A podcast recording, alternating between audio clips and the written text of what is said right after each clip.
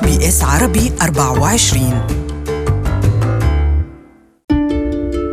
inside the house it was very restricted because of the traditional يعني rituals والcustoms والدين was the biggest obstacle to be honest for me as a child يعني growing up ما كان عندي I didn't feel like I had a choice روان الكلمشي تمردت على ما يعتبره مجتمعها ثوابت دينية واجتماعية إذ تواجه صراعا دائما بين حمل هويتين ثقافيتين مختلفتين والعيش في عالمين لا يمتان لبعضهما بصلة.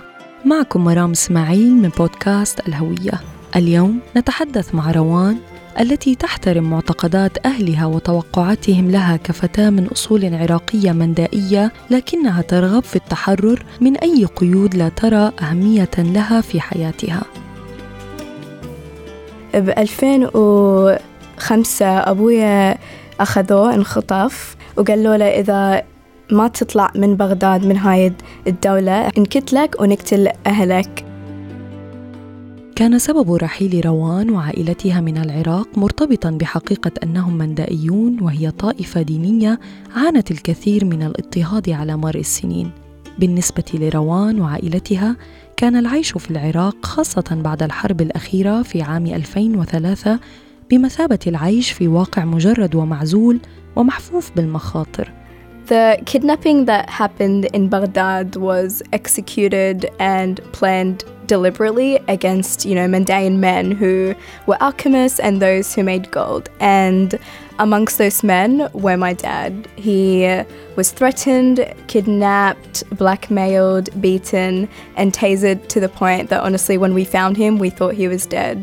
And you know, looking back at this tragedy, at this event, I sometimes think if my Baba hadn't been kidnapped, you know, would we still in, would we still be in Baghdad? Would we have come to Australia at all? بعد اختطاف والد روان كانت هذه بداية الحرب على الإرهاب التي أجبرت أسرتها بالتقدم وطلب اللجوء إلى أستراليا ماما كانت معلمة وبابا كان صايغ عنده محل بس طبعا لما انخطف we lost everything you know we no longer had a choice. Uh, نبقى بهاي الدول مالتنا. فطلعنا. هاجرت العائلة إلى الأردن بانتظار قرار الحصول على تأشيرة إنسانية من لجنة الأمم المتحدة لحقوق الإنسان وفي الأردن تقول روان إنهم كانوا مهددين بترحيلهم في أي لحظة The wait in Jordan was incredibly difficult. I felt like I was marked by a sense of my own deportation. You know, that fear of being caught, you know, being sent back, that was incredibly, you know, there and really present. And it did dictate you know, every aspect of our lives. And during this time, we weren't able to attend school. My mum and dad had to take up extra jobs, you know, to make ends meet, to put food on the table. وانتظروا فيها ثلاث سنوات في مصير غامض حتى جاء الفرج وصدرت تأشيرات اللجوء إلى أستراليا احنا we applied for the UN بس اللي القرار مال UN ما إجا أول إجا بس السوليسيتر we got sponsored by my auntie and I remember like right before getting to the air- airport went to come to australia we got a call from the un and they were saying that you know oh your applications is being processed now. And we were like well we're already being sponsored. So the un just was a step too late for that.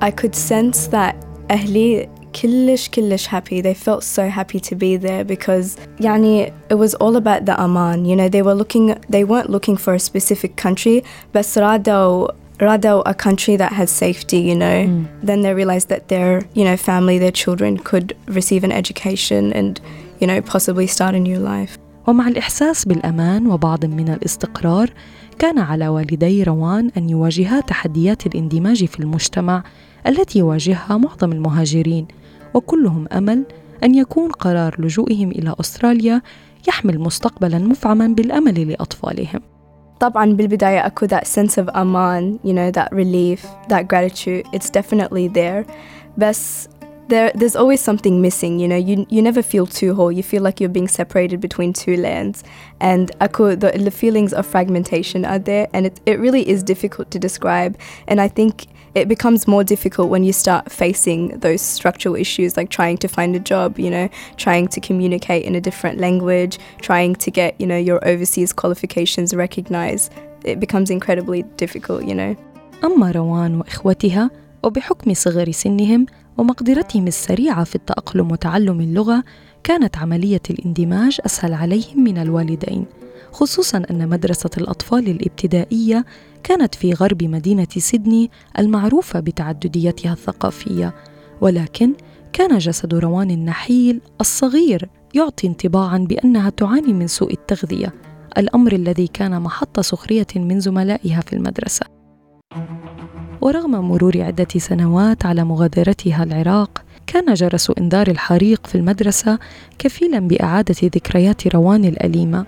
في كل مرة كانت المدرسة تقوم بتدريبهم على حالات الطوارئ وتشغيل صفارة الحريق كانت تشعر برعب شديد ارتباك وتوتر بسبب تذكرها لأيام الحرب والقصف والقنابل والصواريخ الأليمة. طبعا أول سنتين صدق عانيت with that because whenever our school would have you know practice lockdown or a fire drill عرفت إنه هذا that was just for practice and it was you know to ensure safety and أمان بس ال الأصوات and the noises would trigger me and my anxiety would be heightened شيئا فشيء كبرت روان وأصبحت تحاول استيعاب معطيات حياتها الجديدة وتحاول التأقلم مع هذه الحياة ومع مرور الوقت زاد إحساس روان بالضياع وكأنها فقدت الشعور بهويتها وأصولها وماذا تريد أن تكون مستقبلا؟ فباتت تبحث عن نفسها هويتها وشغفها في الحياة. I felt يعني جوا inside me I felt that a stranger was there that sense of you know غريب. سمح تعمق روان في الدراسات الفلسفية والعلمية بالبحث عن هوية متمردة لتعارض التدين المحافظ لوالديها. وكانت هذه مرحلة مهمة جدا في تكوين هويتها. I think it was in year nine I started attending uh, philosophy classes at lunchtime and that really I think fostered my love for philosophy, science, knowledge. But at the same time, the more that I was learning, I felt confused and I felt incredibly contradicted, you know, especially concepts like Marxism and existentialism and, you know, the likes of Jean Paul Sartre, you know, the, the 19 classic 1960s. They sensitized me to things like power dynamics that were involved when it comes to knowledge and learning. But at the same time, like I said, I, I, just felt contradicted between what I had been taught previously, and it, things didn't seem to add up. And I think I struggled with that. I think along with Marxism comes that religion aspect, and it, it not, I wouldn't say forces you, but I would say it does make you question and it makes you ask questions. And at the same time, I think for Middle Eastern communities, sometimes questioning about certain sensitive topics can be seen as, you know, you're putting up a fight, you're, you're taking a stand, and that can be quite rude. وحاولت روان تقويض ما كان والداها يسعيان لفرضه من قواعد عليها وعلى إخوتها تخص المعتقدات الدينية للمندائية والتعليم الديني والعادات والتقاليد والضوابط الشرقية المتعارف عليها. I felt like I always, you know, tried to explain myself and justify why I had certain beliefs or why I didn't have certain beliefs. But I, I, just felt a lot of the times that it was unfair that I was the one that constantly had to compromise, and I felt that there was no sort of effort happening from the other side. And because I wanted to sort of carve my own path and, you know, have that power to guide myself, you know, to my own freedom, I felt incredibly trivialized by my family, by members of the community. لم تستطع روان تفهم دور الدين في حياة والديها وكيف ساعدهم على التماسك وقت الشده ومنذ سن مبكره شعرت روان ان هذا الدين فرض عليها بشده وشعرت بانها محاصره yeah, لأنه ما طبعا أنا ما فهمته that's why ومن الخوف لأنه لما الواحد ما يفهم شيء يصير خوف بيه لما الخوف you know you try you either get violent or you like steer away from it because of that factor الدينيا um, I started to almost not despise my culture but you know to I subconsciously steered away from it لأنه ردت أتعلم الإنجليزي فالعربي طبعا بقيته and I you know I started attending school لما كنت صغيرة and growing up with other kids it, the Arabic culture felt يعني كلش distant to me and it's only recently like through throughout the past couple of years that ردت I wanted to embrace that part وترى أنها تستحق حياة لا تقتصر على تحقيق التوقعات الدينية والاجتماعية الملقاة على عاتقها وأنه من الظلم أن يتوقع الوالدان من أطفالهم التنازل عن حقهم في اختيار الحياة التي يرغبون بعيشها. Yeah, oh, so many times. Like لما أطلع أو ماما تقول you know set, setting a curfew, come back within this hour. Mm. And I, I pushed it little by little, but I think طبعا إذا ما سويت هذا فالشيء they would have still been so strict on me. But now it's like it, it's it's at a it's at a space that I want. يعني yeah. أنت ضليتك تحاولي ما يئستي. Yeah, I tried to understand. زعلوا طبعا بالبداية and هسه I still think oh, mama there's there's a part of her that doesn't quite understand what I'm doing and why I, you know I strive for these things mm. but at the same time I, I feel like deep down she she's so grateful that we're here ولم تكن توقعات والديها هي المشكلة الوحيدة التي واجهتها روان بل كانت هناك توقعات المجتمع وسطوته على حياة أفراده um, in the Mandarin community, you know, daughters and children, they're seen as part of this sort of public space, like this public domain, and they belong to the entire society, the entire community. And what, what I mean by that is that it's it's sort of the responsibility of a whole village to raise a child, to raise a daughter. But at the same time, having said that, there's certain topics and certain conversations that you just don't speak about in the community because it's you know it's a little bit sensitive and it can you know mislead people and it can often you know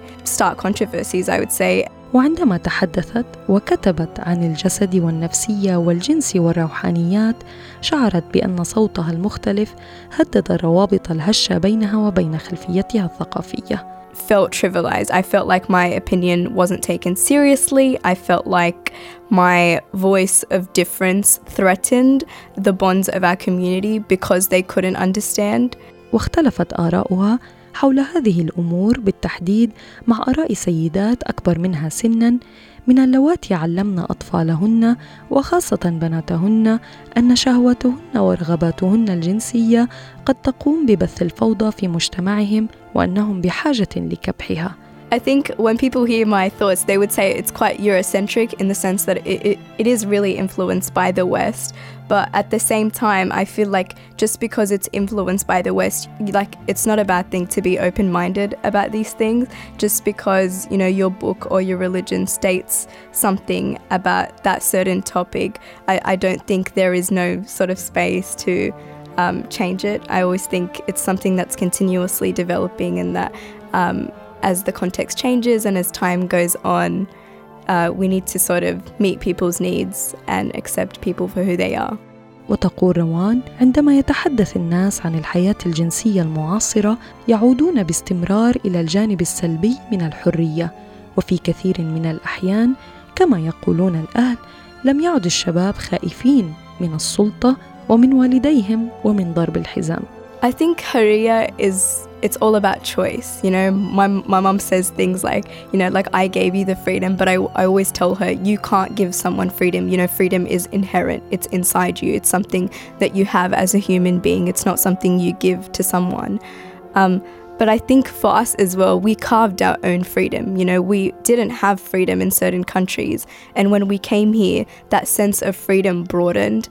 And along with it comes with the, you know, the freedom to choose. And I think as a woman, that's something that's incredibly important to me, and I, I wouldn't trade it for anything else. شكرا لاستماعكم.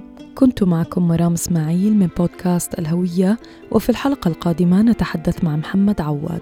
كل شيء اللي كان عرب أو إسلامي ما كنت آه بدي أحكي عربي مع عائلتي علنا بالببليك ما كان بدي أتسمع الموسيقى العربي.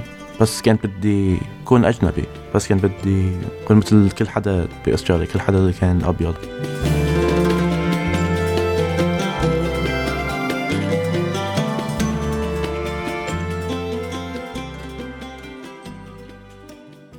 أخبرونا برأيكم.